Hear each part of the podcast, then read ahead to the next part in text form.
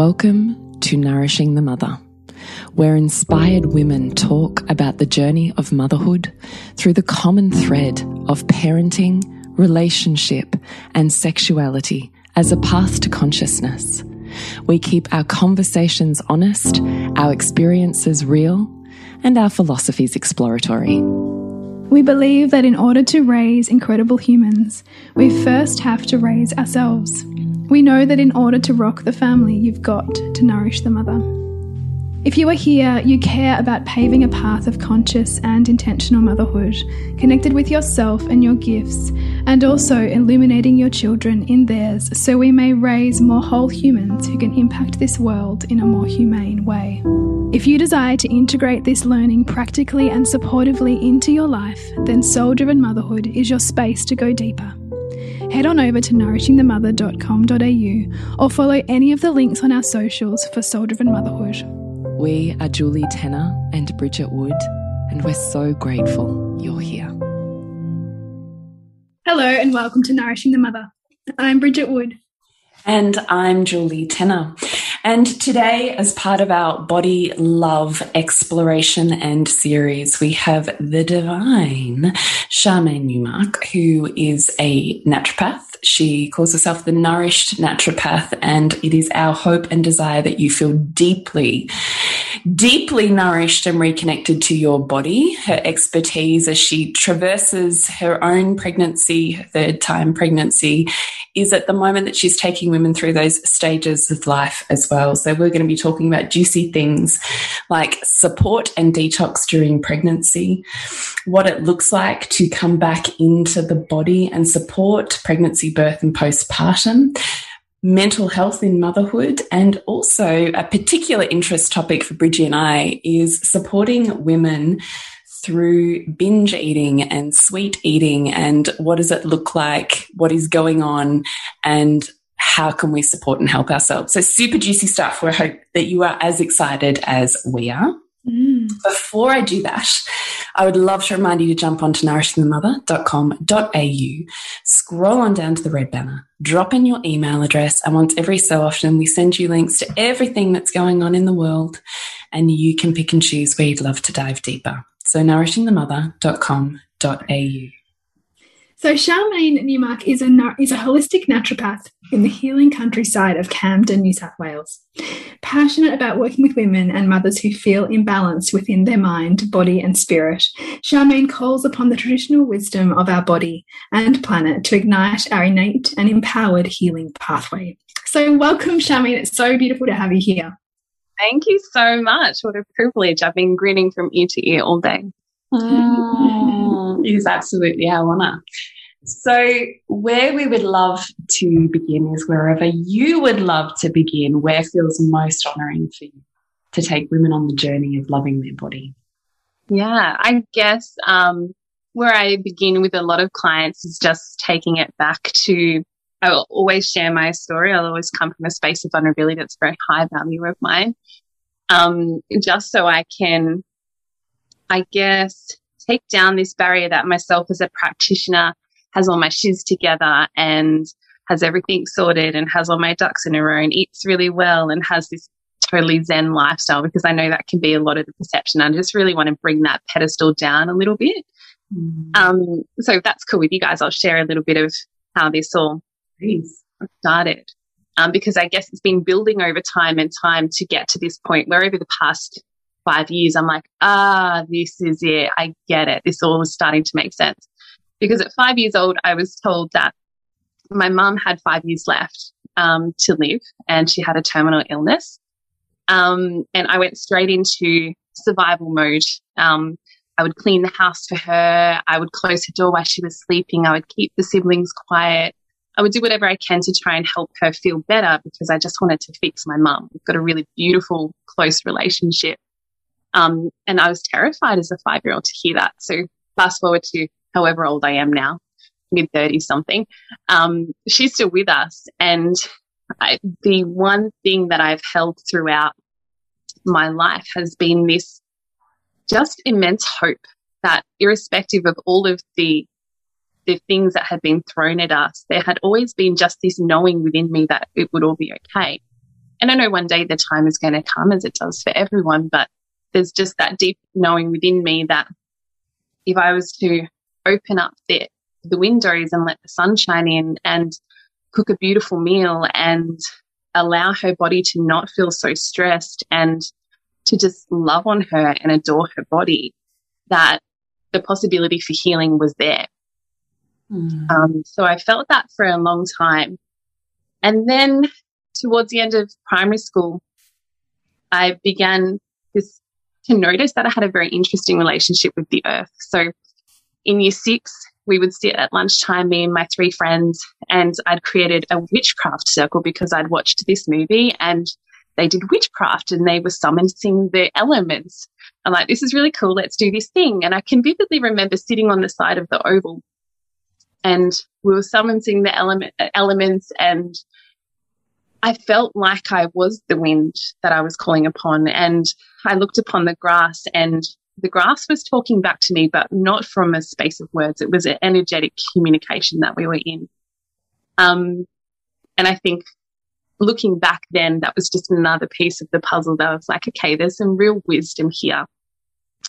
Fast forward through teenage years when I went off the rails and did all the wild, crazy party stuff and rebelled against life. Um, and started a career in corporate management.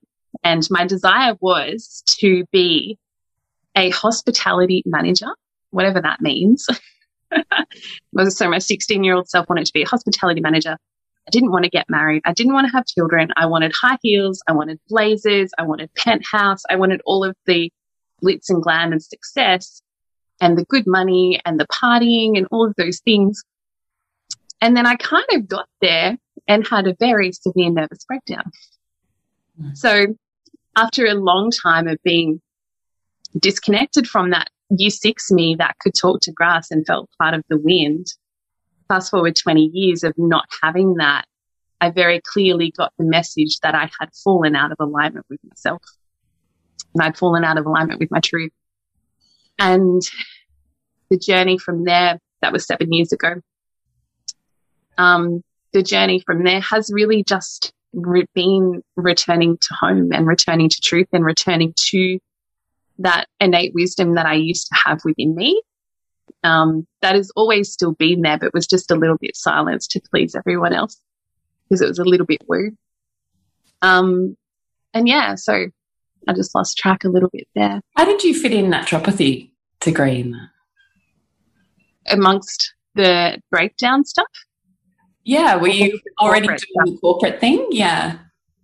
Yeah, I was doing the corporate thing. So I would catch the train to work and I would lug, that was back in the day where we'd have big textbooks and lugging things around and I would lug that and I would study on the train. I would study when we get home and I'm typical type A. Can't sit still, love to be busy. Well, that's how I was back then. It's quite the opposite these days.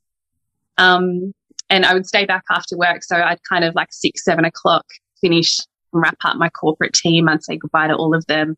I was managing a team of 35 women. So had, it was a really interesting playground for me to learn quite a lot about women there. Um, but as they would go, then I would secretly whip out my textbooks and use the internet. And yeah, there we were. It took me seven years to finish college. Um, it was only supposed to be four. It took me seven, but we made it. It's really amazing. I really want to commend you on that because that's a huge commitment. What called you back to that? Because it's interesting, you made a couple of comments. It was obviously quite intuitive for you um, as a five year old to have this sense, or even as a young girl, to have this sense of the healing power of food, and that you had that real opening when you were in grade six. Was something whispering to you that led you on the path to study naturopathy, even though those worlds kind of collided with your, you know, your, your kind of high flying world? Yeah, I guess so. Um, when I was 18, I went to my first yoga class by chance um, and met my beautiful friend and yogi and mentor, who is still my beautiful friend and yogi and mentor 14 years later. Um, and she, there was that remembrance in my body, like, oh, yeah. And I remember the first time, you know, I was laying in Shavasana in one of her classes, and I was like, oh, this is it, far out. It's been a long time since I felt this. Um, and that feeling never really left. And at 23, I nearly lost my mum in a pretty traumatic um, asthma attack. Um, that took a long time for the paramedics to arrive and it was just me and it, you know, all these things happened. And that kicked off my first experience with anxiety. And I went to the pharmacist and I'm like, I don't know what's going on, but I can't breathe and I feel all these things. And he's like, yeah, try this at St. John's Wort. I was like, oh, St. John's Wort. And it was instantly like once I held that bottle in my hand, it felt like medicine to me. So irrespective of the studies, I could feel the energy of that. Um, and I, throughout that time, so that was about three weeks that I felt quite anxious. Um, that I used the St. John's wort. I slept better. I stopped taking my Duromine that I was taking to lose weight. Um, stopped drinking so much coffee because it would make my heart race and just started drinking more water, just simple stuff and going back to yoga. So I was kind of reminded of it then. Um, and from there, it just kind of grew. And then, however old I was when I decided to go and check out college, um, I thought naturopathy would be really different to what it was. But there I was, bright eyed and bushy tailed. So, yeah, it was just sort of this breadcrumb after breadcrumb of guiding me back to where I am now. Mm. And how, so you're pregnant with your third? Yeah. How was your experience of babies one and two and three? Oh my goodness how vastly different all three of them are. So my eldest is eight. Um, so my eldest um, was born when I was studying and I was doing the corporate thing. Um, and I was just newly married and we were just newly out of home. And I was very disconnected from my body, like really disconnected from my body. I had a very disassociated pregnancy, really looking back. Um, and being the first one of my friends and the first one of my family to have a baby, there wasn't really a lot of conversation about the adornment of pregnancy and how amazing it is and what happens in our bodies and natural progressions of birth and labor and all of those things. Um, so I had a fairly healthy pregnancy. Um, and apart from not really feeling much of it, and then a fairly long, drawn out birth, and then was blessed with this beautiful firecracker of the spirit So she's a very fiery person and has been from the moment she was born. Um, but she had a lot of digestive issues and I was very much so in that, um, what's the dynamic, like the victim, the rescue kind of mentality. Like I'd really clung to the fact that I needed to fix her because it had become so fulfilling for me because I've kind of had patterned played that my whole life. Um, so I got really lost in needing to fix her and to fix her issues and completely lost myself in that. Um, and really by the time I, I, had my nervous breakdown, she was two, two-ish. Um, so it didn't last that long until my body was like, nah. And amongst that started a business as well and went back to corporate work. So very, very quickly I was told that that was not working for me. Um, and I kind of explained my my breakdown, like I felt like I had just fallen onto the floor in a million different pieces. And the journey from there has been piecing everything together. So the decision then to have my second was reiki as for me. Um, I was just so scared that I was going to go backwards to where I was, go back into that place where it was a really dark hole to be in at the time and it felt like it would never end. Um, so I, I actually spent a lot of my second pregnancy really anxious and everyone kept like applauding me that I hadn't been putting on much pregnancy weight. I'm like, yeah, thanks. That's awesome. I just can't eat anything because I'm so anxious about having this baby and losing the plot. Um, so there was a lot of fear around that. So I spent my third trimester. I, I ate really clean in, in my pregnancy because I just wanted to give myself as much nourishment as I could. I took all my supplements, I took all my herbs, I saw my naturopaths and my chiros and did all the things to try and fix my broken self, um, which felt like at the time. And then I had just the most cruisiest little baby. Mm. Um, and, you know, a, a very cruisy pregnancy, cruisy birth. Like he walked out, he birthed himself. There was no, there was no resistance from me in that moment. Um, and then after he was born, he just slept on my chest for six hours. And from then has just been the most crazy little kid. So he's been a really healing experience for me. Mm. Um, because I kind of, it's like I went into second um, second time motherhood, just fearing the absolute worst. And I was showing the absolute opposite. So now fast forward to number three and I'm just excited. Like I just feel so excited to one, be connected to my body and two, have this incredible body of wisdom that I have and the most beautiful community. Like I just pinch myself with the, the community that I have in my local community and my online community. Like it's just delicious. Um, and yeah, to really be at a stage now where I'm fully trusting and honoring my body and what it's going through instead of being from a place of fear or with my first being from a place of disconnection. So it's a totally different experience. I was interested in that. How would you describe your relationship with your body in pregnancy and birth one, two, and now? Yeah, that's interesting actually. So my relationship with my body, um, baby number one was looking in the mirror and just being disgusted, to be honest. Um, I couldn't, I couldn't connect with how beautiful this situation was. Um, because all I could see was the fatness and I'd spent my whole life trying to not be fat. Mm. Um, Can I ask you while we're there, is that all right if I interrupt you? Yeah, go for it. So you now being essentially the panacea to um, who she needed back then, what would you go back in time and wish to, you know, install in her brain or mentor her through? Mm. Big question because I like I can feel that within myself that this is I'm mothering that version of myself still. Mm. You know, mm. I still meet those edges of myself. I met that edge of myself today and I mothered myself through it and through there. Um, pain that I had experienced in there in that first pregnancy. Um, but I guess what I would love her to know is just like to be pregnant, to be here, to be breathing, to be innately beating a heart and breathing without us even needing to try is nothing short of a miracle, right? Like it almost brings me to tears to think of. Mm-hmm. And what I would do to gift that to that version of myself. You know. Mm. What didn't she know or wasn't in connection with, do you think?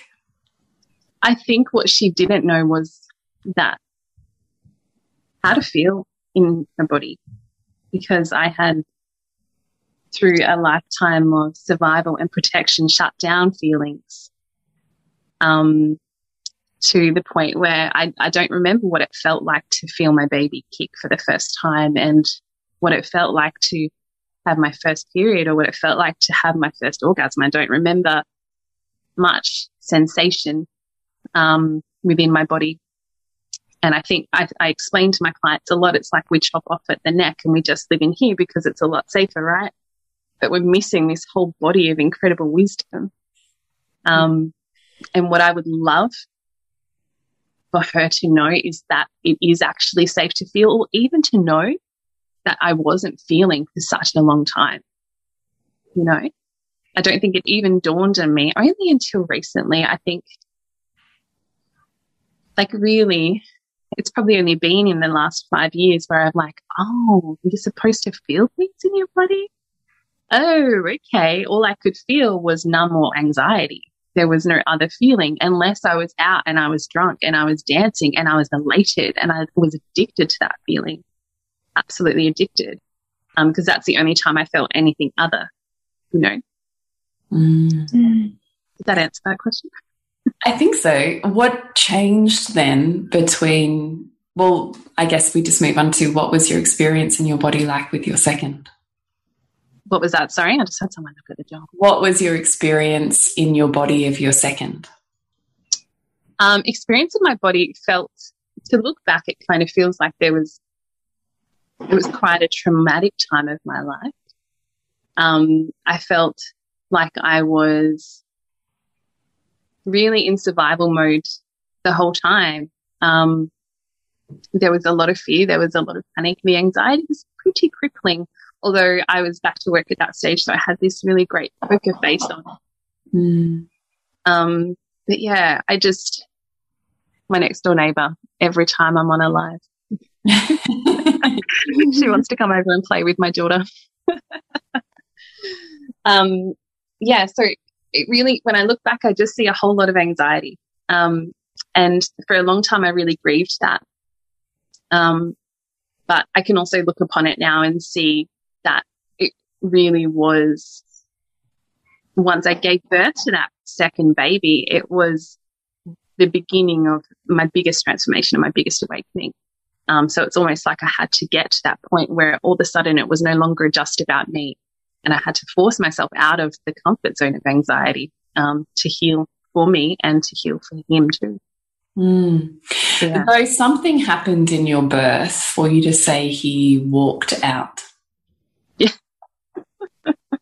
Because that's yeah. not the birth of someone who's caught in the trauma of anxiety.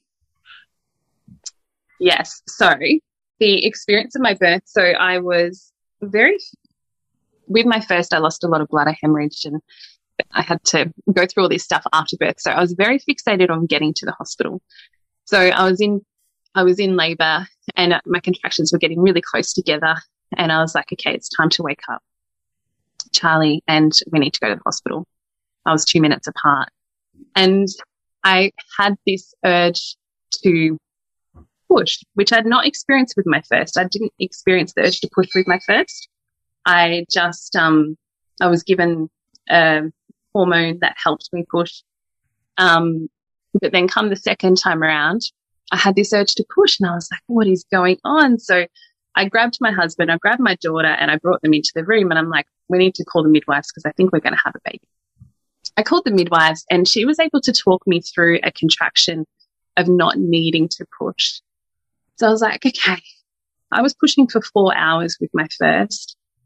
I've only been, this is my first urge to push. We should be okay. We're 10 minutes from the hospital. I'm just going to get into the car and we're going to get to the hospital. And then we're driving along the highway and I'm having the contractions and I knew that it wasn't going to take much longer. And I was panicking and I had my daughter in the back and she's like, are you okay, mummy? my husband's like white as a ghost and he's driving along and he's sweating. He's like, just hold it in, just hold it in. And I'm like, this isn't going to work. This baby's absolutely coming. Um, and I said to him at one stage, I think I realized that it was happening and I was still 10 minutes away from the hospital. So at that stage, I just said to him, how long have women been birthing for? He's like, what do you mean? I'm like, well, how long have we been around for? He's like, I don't know, like a hundred thousand years.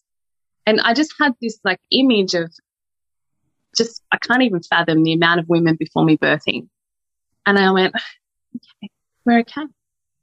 And two contractions later, he was out. Oh my God. In the car? In the car, yeah. Did you so, pull over? How did that work? No. So first I felt his head coming. I felt it, I felt him crown and I went, so I yelled at my husband, I'm like, he just crowned. And he's like, hold it in. I'm like, yeah, no. you absolutely can't help that. Oh. Yeah, so he's crowning. I'm realizing this is absolutely happening. And I had no choice about it. There was no way I could control it. There was no way my husband could control it. And there was no way I was going to make it to the hospital. So there was this complete opening and surrender in my body. What the next contraction hit. It was actually probably the most blissful moment of my life. Um, because I think, I guess it's only really just come into my awareness that that would have been the first time that I really truly surrendered, you know? Mm. Um, so it was a beautiful experience because there was no resistance. There was no trying to make it look like anything. There was no trying to make it fit into a box or please anyone. It was just my body, my baby. And I had to just take a seat back. And what I what it felt like at the time. So I was in the front seat, my daughter's in the back. I could feel her energy there, but I can't remember what she was saying. My husband's screaming down the highway. He's high beaming the people because there was roadworks. It was the middle of the night. And I felt him crown. I felt his head come out. And all the time I was watching myself from up in the corner, like where the mirror is, like looking upon myself. So it was a complete out of body experience. Um, but there was something really innate within that. There was something that just felt like I wasn't there trying to figure out how to do that. you know. It just happened on its own because I let go of that. Mm. And let go of the mental chatter, you mean? Yeah. Because I didn't have a choice to mental chatter about it. It wasn't doing anything. the mm. mental chatter was not changing the situation. And I, once I realized, and there was this sovereignty for the experience of birth and how long that we've been birthing for, it was like, oh, I got this. And I felt just really held in that moment. Mm. Um, so yeah, Artie's little head came and the so You're still driving. You're still driving at this point and he's when you're Yeah, still still driving. So we were three minutes from the hospital when he came out completely. Um and I, that there was definitely I think that my husband is a I'm more of a freezer, he's more of a flasher. so he was flashing to the hospital. so you're sitting there in the passenger seat with this tiny baby on your chest. Yeah. So first, firstly, though, yeah, as we're driving, so firstly, the cord was wrapped twice around his neck. So without me even needing to think about it again, for mm. somehow I just knew the cord was wrapped, and I can remember unwrapping it wow. and I put him up on my tummy. It's like primal. Like that's like the millennia of women before you. Really? Yeah. Honestly, like to talk about body love after that experience, like I can't even put words to the experience that that, that did for me and my body because I was like a warrior woman walking into I was like, look at me and my baby. Yeah. so, so good. Oh my God. I love it. Yeah, it was magic. It was really magic. So my husband, get, we get like, do around the roundabout at the front of the hospital and he's like, the car goes up on the gutter and he runs into emergency and no one's there. And then he goes, the little lady comes out with her cup of tea and he's like, my wife just had a baby. And she goes, oh, congratulations. No, in the car. Oh, oh. And she starts running out. Then wheelchairs are coming and doctors are coming. And it felt like a movie. It was the most surreal thing. And I was just here in this little bliss bubble and this teeny tiny little baby on my tummy just going, far out. Did that just happen? I, I can't help but at marvel at just the genius orchestration that is right. right. So if we imagine that birth is is one of the greatest rites of passage that a woman and her psyche can go through, and that, as I see it, it's literally a gateway that women step through and ultimately become someone else on the other side of.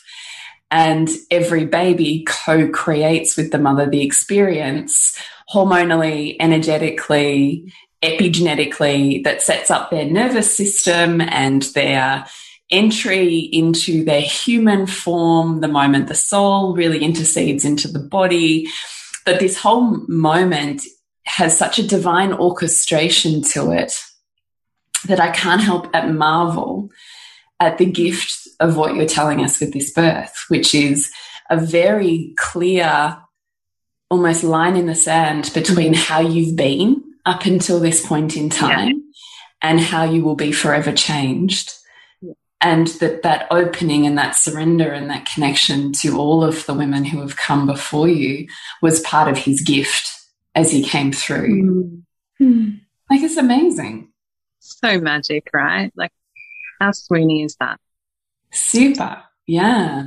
And talk about landing you in your body, like from a, for a woman who was quite disconnected and numb, yeah. to have such a empowering and deeply embodied experience. Mm. I mean, you can't, you can never go back to your earlier consciousness now. Like yeah, that, that is just pivotal. Yeah, yeah, so pivotal. Hence why I'm excited for birth of number three. Like, I was talking to my midwife, and um, like we were just doing, and she's a doula and a midwife, and she was kind of asking my questions about how I'm emotional. I could see that she was sort of sensing how I'm emotionally feeling about the birth. I'm like, I'm totally fine. Like, I'm really excited. I really got this. I just need you to, to like do the bells and whistles bit. well, actually, I probably don't, but if you could just be there to help my husband, that would be great. Yeah. But, um, yeah, I just feel excited about it because I've, I've moved through so many edges and just had them absolutely cracked open um, that now it's just excited to get to meet my baby. So it's a beautiful mm-hmm. experience. I feel very blessed that for a long time I resisted baby number three until we had, you know, what, what felt like a, an early miscarriage. And it was a very clear, like, you're not done yet. Um, So I'm very grateful that we've made the decision to have number three because I feel like I get to really enjoy this experience now after what I've been through in the past. So mm. it's exciting. And how do you feel about your body this time round? Yeah, I I have absolute like adornment and reverence, but I'm also met still with those pain points that I'm still working through. Um, Which but, makes a perfect teacher, right? Because what we're teaching, we're also always going to be learning. That's what creates mastery. Absolutely. And I know, like, I can see it. I chuckle at myself when I'm in the thick of processing something, just going, because I know now without fail that everything I transverse on the other side of that, they'll be there with like my microphone yelling it to the people, you know? mm. You know, um, so I can see, I can see the absolute magic in that. And that's why I use the word alchemy because it feels like I'm taking that rock and I'm turning it into the liquid gold yeah. yeah. It feels really purposeful. And I can really hold that hope for any challenges that are coming up for any woman that comes into my office, room, space, because I can see that it's going to be part of their greatest awakening. What advice do you have for women who are seeking to love their body more, particularly at the time of pregnancy where it's in the greatest amount of change? And I would add into that, that I witness women struggle the most because they're really out of control of their body. Yeah. First time someone else is taking the lead on what's happening here. And that creates a huge amount of discomfort. So, what advice do you have for women struggling with their body as it changes during pregnancy? Yeah, I think from my perspective and what I'm coming back to in my third pregnancy is just taking away a lot of the shame and social constructions on how it should look. Um, and really coming back to what feels beautiful and what feels good in your body. Um, because doing more of that is going to be the medicine you need to heal the, the broken heart, right? Um, if we're living a life and expecting our bodies to look how the ads look and you know, that we're, that we can only put on a certain amount of weight that the doctor tells us that we can put on. We're just never going to feel like we're measuring up. But if we're looking at our body from a perspective of it is doing enough, the fact that it is simply creating this magic without us even needing to try, it's already doing it on its own accord.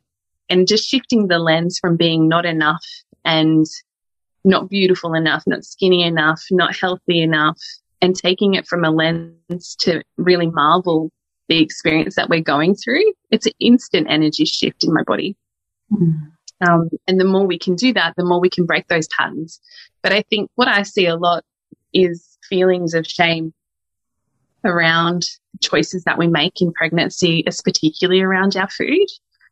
Mm. Um, and there's just so much conversation, especially on the other side. I work a lot in postnatal depletion and postnatal burnout and those women just shaming how they ate too much Maccas or they ate, you know, drank too much red soft drink. And there's just so much shame around it. Um, and I really like to shift that conversation and, and really dive into emotions and eating and all of those beautiful things. So there's just a different relationship with body and different relationship with food and the ways that we comfort our body. Um, and there's no right or wrong. It's just about coming back to what feels good for our body and what doesn't. Mm.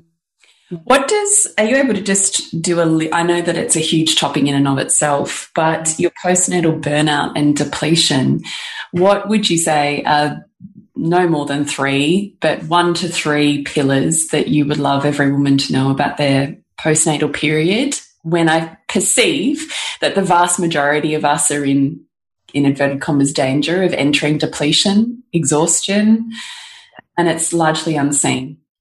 Yeah, it is largely unseen. Look, I have a massive perception bias on that because of the work that I do. Like I'm walking around almost assuming that most women are walking around with some form of postnatal depletion and exhaustion.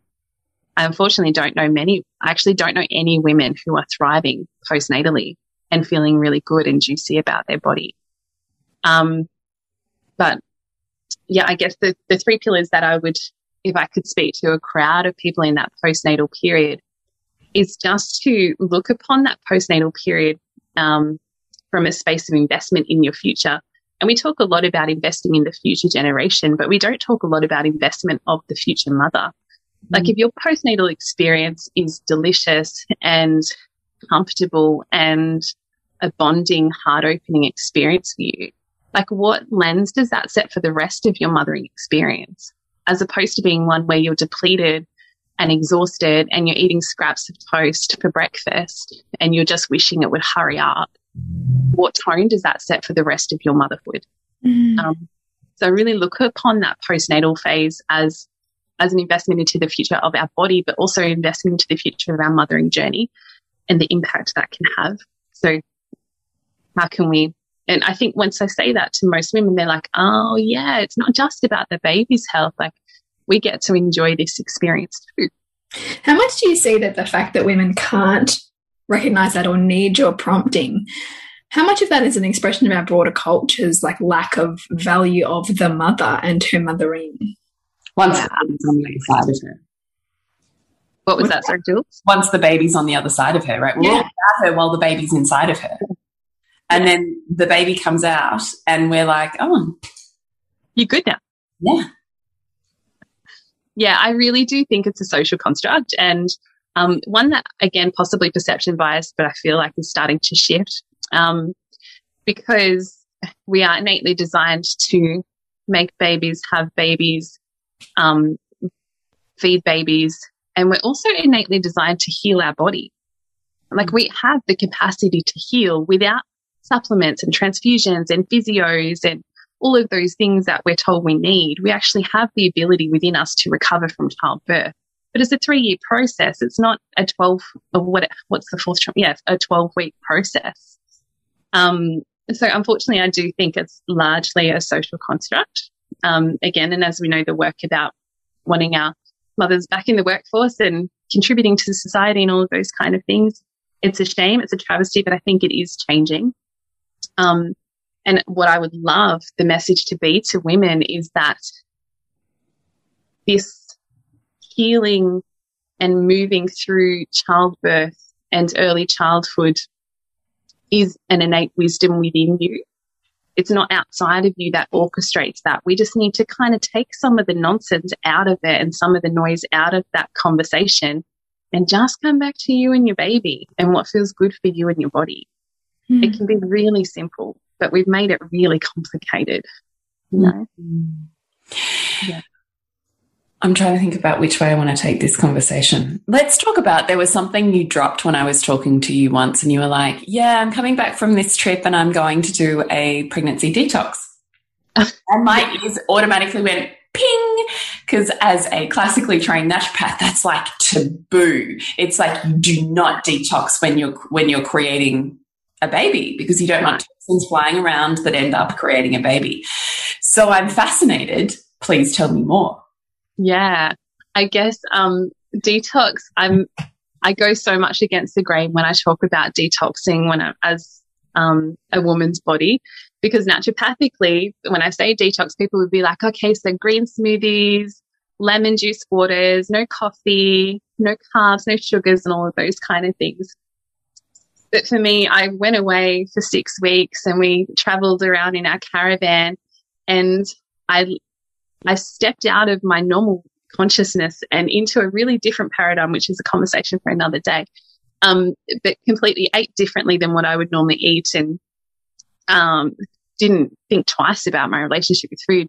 So as I was coming back and I could feel this heaviness in my body, I'm like, this feels a little bit funky because I know that I haven't been eating and nourishing my body in a way that feels really good for me.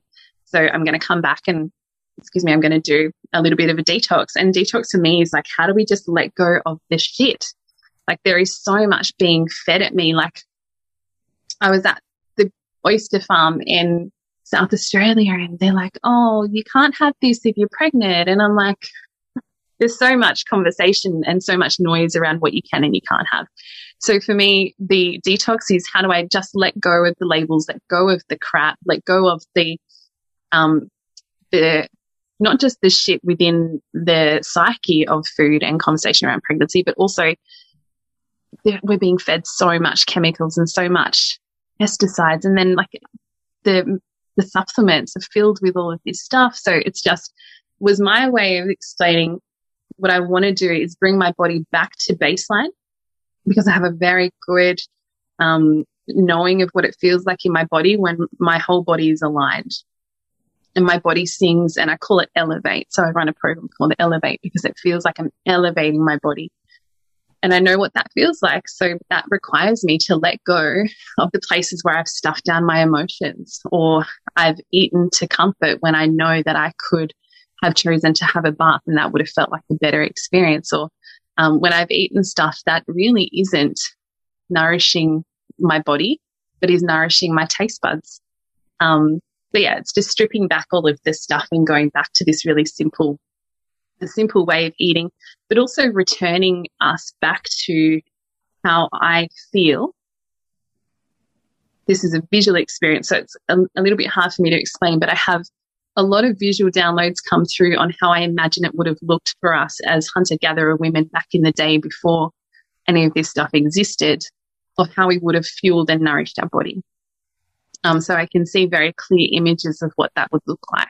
Um, so that feels like a truth in my body. So that's how I eat and how I like to eat mm. because I look at the relationship that we have with food as a very intimate one. It is one that completely, largely is ignored, but yet food is something that keeps us alive. Without it, we would die. So if we have a distorted and a fragmented relationship with food and we're shoving it all down and we're not feeling it and we're not tasting it and we're skipping it and we're fasting it and we're dying it away and then we're binging it, I can't help but see that as a reflection for the relationship that we have with life itself. Mm. So it's a profound one to to really for me to spend a lot of time thinking about and I think about food and I think about my relationship with food quite a lot. I really love that reflection. Mm. Yeah, it feels really powerful for me. And when it kind of first landed in my body, I was like, whoa, that feels really big. Like, mm. come on. But then the more I experience it and the more I talk about it, and the, there's just so many layers to it that it just makes so much sense that it's proportional and relational to our relationship with life. If we're mm. not connected to it, how disconnected are we? You know? Mm.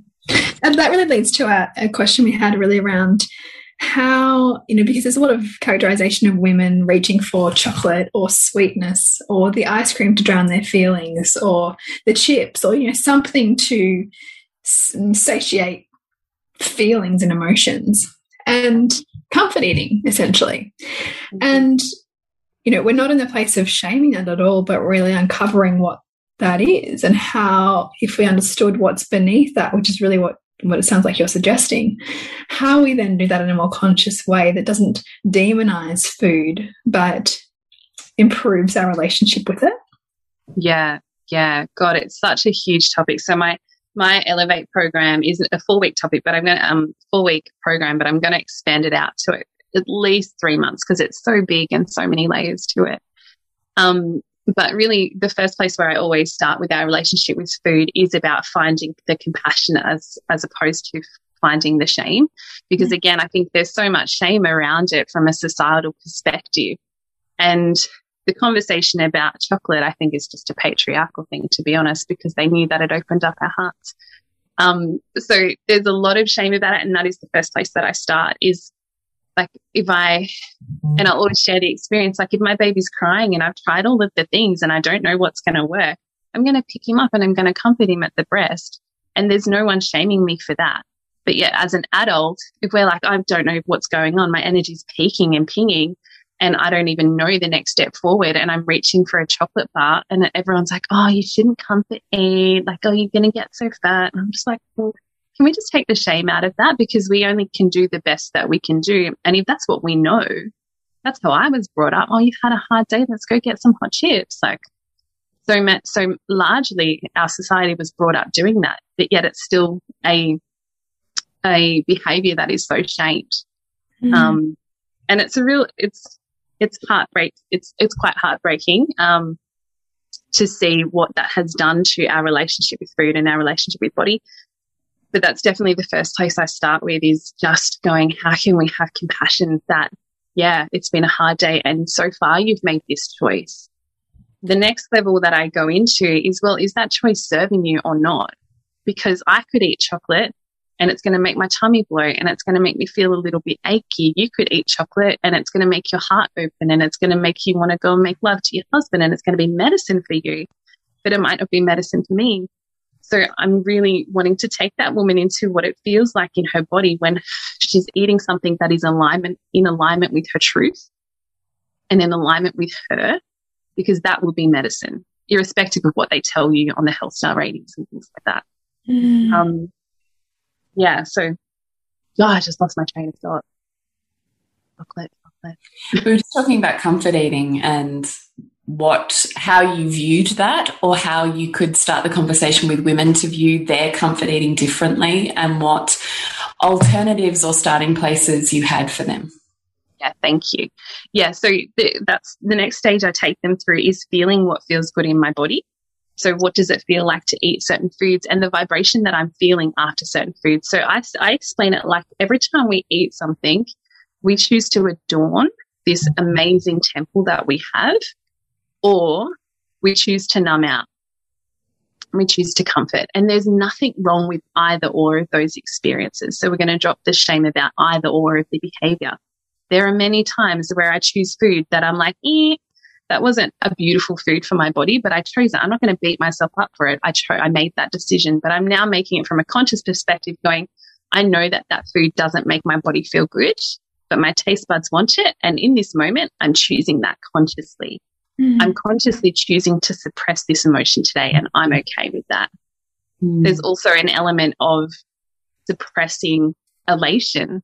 So there was a long time in my healing where I would start to feel really good and really expansive, and my energy was starting to get so big that I would go and binge eat to bring my energy back down because I couldn't handle this energy coming through my body. And I mm. knew hot chips, too much coffee, no water is going to bring that energy right back down. Mm. So when you can start to learn about what it feels like in your body mm. and why you're making the choices that you make, you then get to choose. I explain it as you're either staying here or you're choosing to elevate. And you get to do that every time you choose to eat. So today I'm choosing to stay here. I'm choosing this level me or I'm choosing the food that's going to take me and step me into the body that is in alignment with where my energy is if my energy is up here and it's beautiful and it's peaking and my body's down here and I'm dragging it along, there's, uh, you know, disconnection. I want to bring that back into alignment. That's going to be different for every woman.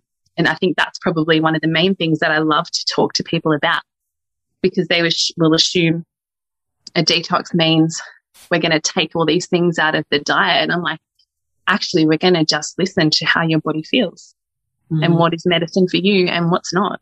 And when you're making those choices that you know don't make you feel good, well, let's unpack why. Why are you making those choices and do you want to keep making them? Mm. What are alternative uh, comfort foods, just in terms of, I totally love what you're saying on a psycho emotional level, but on also just a practical level, I'm like, God, my go to is normally my Cadbury dairy milk or my ice cream, what would be alternatives that are going to give me that same kind of sugar hit that would potentially be more healthful choices? Yeah. So there's, depending on which women are, you can take it a few different ways. So there's a lot of beautiful recipes when it comes to, let's talk about chocolate because that's the biggest conversation with women. Um, there is so much medicine in cacao. There's so much that it does on a biochemical level, on a neurotransmitter level, and then on an energetic level. Like we know chocolate makes us feel good. Do we really want to take that away? No. But it is the cacao and the medicine of cacao that gives us that feeling and it opens our heart and that gives us that feeling. So I'm looking at the Cadbury and I'm like, does it even have cacao in there? I'm not really sure. but I'm mm. going to eat it. It's going to taste good. It's going to feel good for a little while, but then I'm probably going to feel a little bit depleted. So you have a choice. You're not ready to give up your Cadbury yet. Then I'll be like, cool. How can we get a little bit less Cadbury's and how can we add on something that is really nourishing for your body? Like, could you have it with a fresh green juice? Can you have it with a side of nuts? Can you have it with a fruit platter? So you're having a little bit of variety and you're still getting that sweetness that you're looking for. Mm. Or we're great. Like I'm really grateful that we live in the day and age where healthy food has become really cool and available and trendy. And we've got things like Pana and we've got things like Loving Earth chocolate and we've got cacao that is made how cacao is supposed to be made to be medicine mm. instead of being processed stuff. So my favorite, I've got a, um, I'll share it in the soul driven group. Actually, it's a hot cacao recipe. Um, and I made it when I was just needing something, but not wanting to reach for coffee, not wanting to reach for chocolate. And I've got half my community well hooked on it. you just read my mind because I'm, I'm thinking, I need a hot cacao recipe for winter. Yeah. There's something about a hot drink, right? Especially when it's hot chocolate flavored. Um, yeah, so that's probably my go to when I'm looking for that and I'm looking for that experience, definitely. Mm. Yeah. Beautiful. Thank you.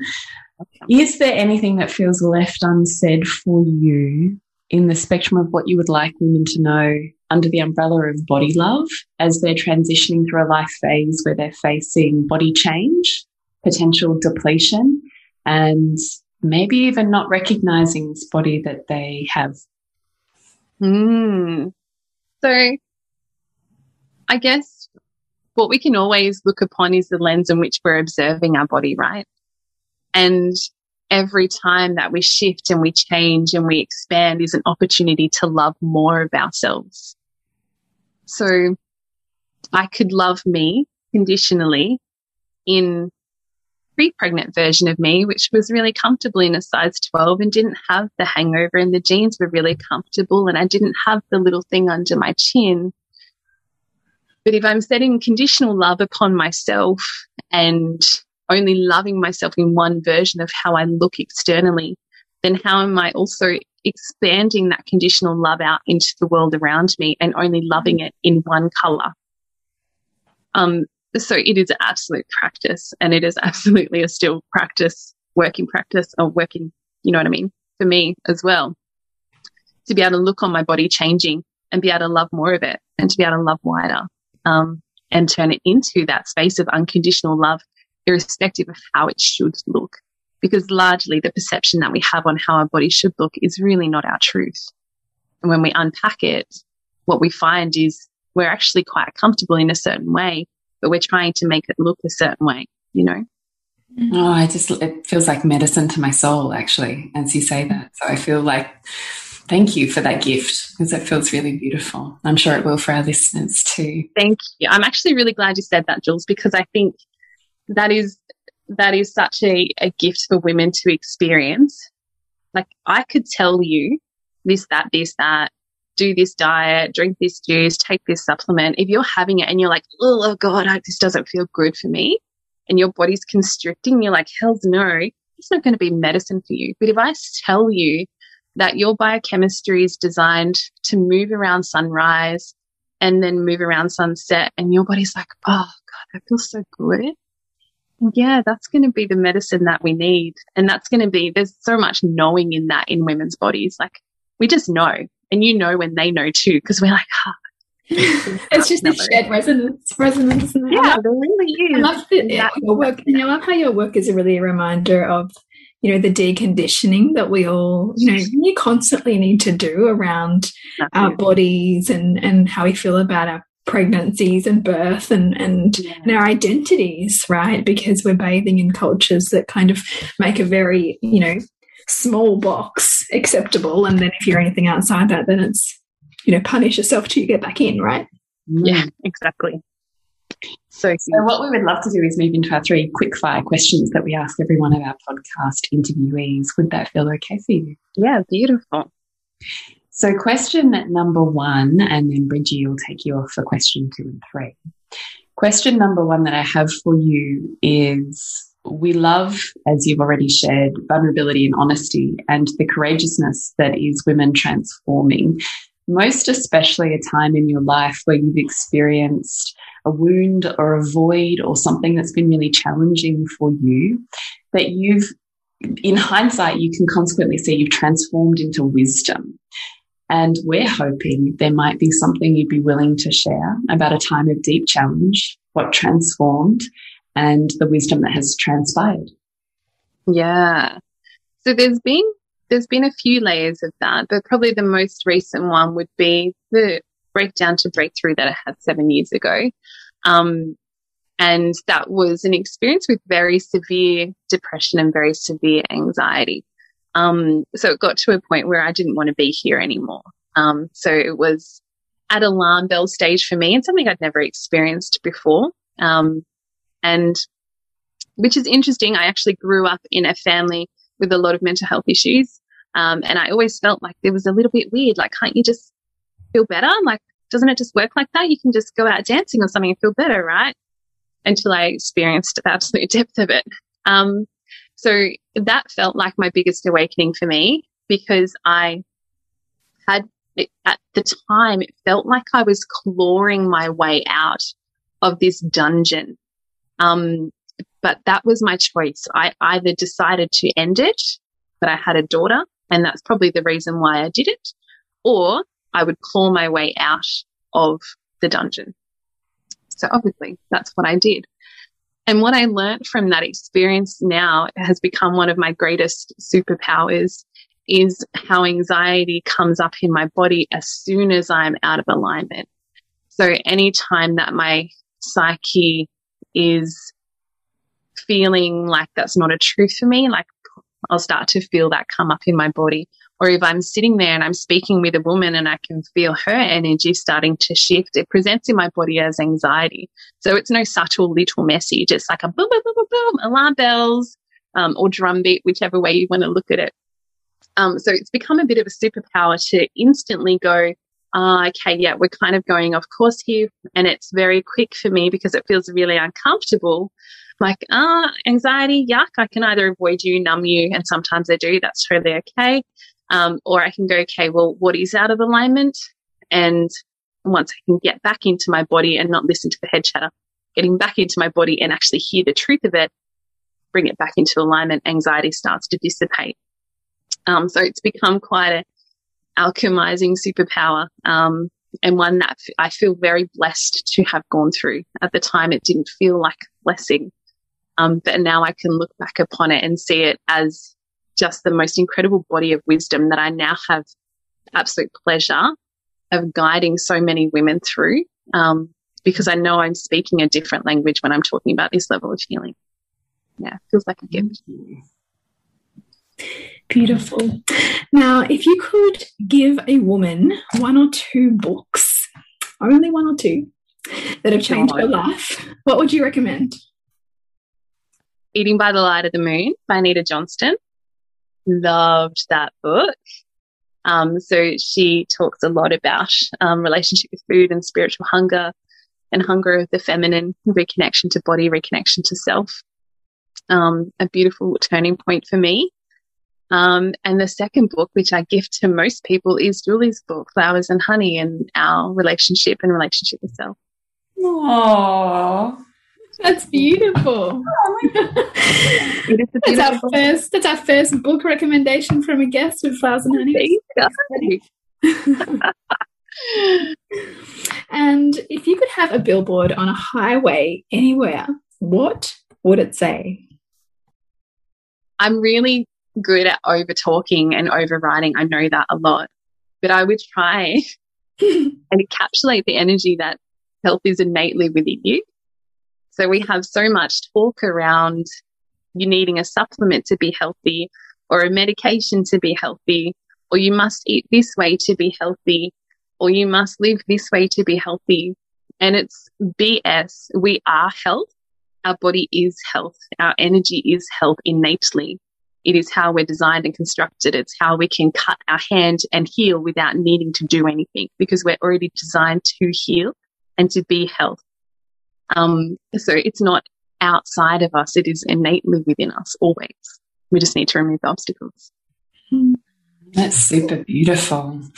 So, Charmaine, we know that the week this podcast releases, you are also coming to Soul Driven Motherhood to do a deeper dive and an extended conversation. So, we invite anyone who is not in Soul Driven Motherhood to jump in for what will be a really fabulous workshop with you. And you can find out more at nourishingthemother.com.au, Nourishing the Mother on Instagram or Facebook.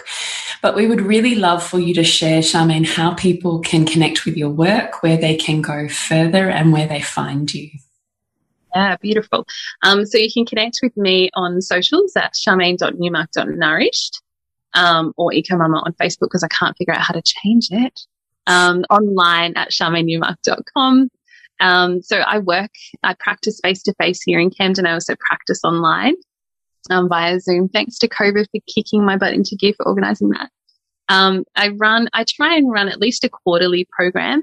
Um, but at the moment, my pro- my focus really is nourishing my body for pregnancy, and by virtue, I'm having that conversation with the women I'm in contact with as well. So, um, as we launch this, I'm running a five day free. It's called um, Mama Return. So it's about returning back into our body through the process of loving food, um, loving our relationship with food, and just returning back to the simplicity of it all and letting go of the noise and the chatter and really finding your truth.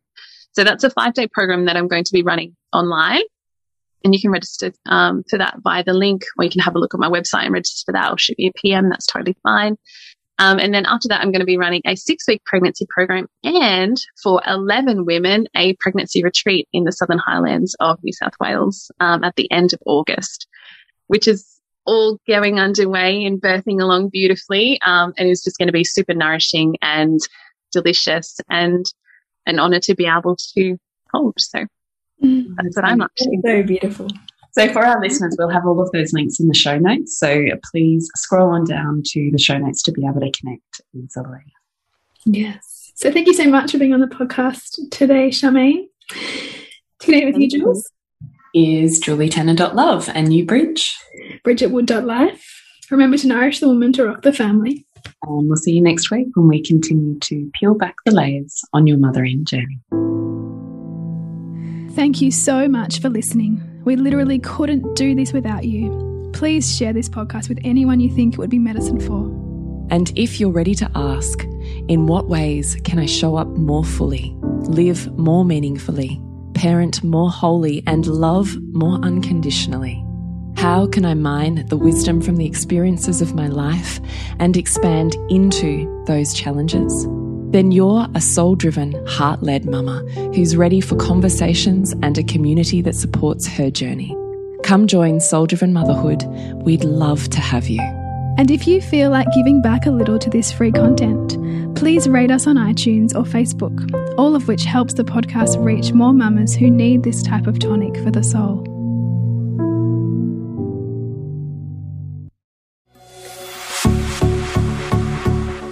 This has been a production of TheWellnessCouch.com. Check us out on Facebook and join in the conversation on Facebook.com forward slash The Wellness Couch. Subscribe to each show on iTunes and check us out on Twitter. The Wellness Couch, streaming wellness into your lives. Whilst the Wellness Couch presenter endeavor to provide accurate and helpful information to their listeners, these podcasts cannot take into account individual circumstances and are not intended to be a substitute for health and medical advice from a qualified health professional. You should always seek the advice of a qualified health professional before acting on any of the information provided by any of the Wellness Couch podcasts.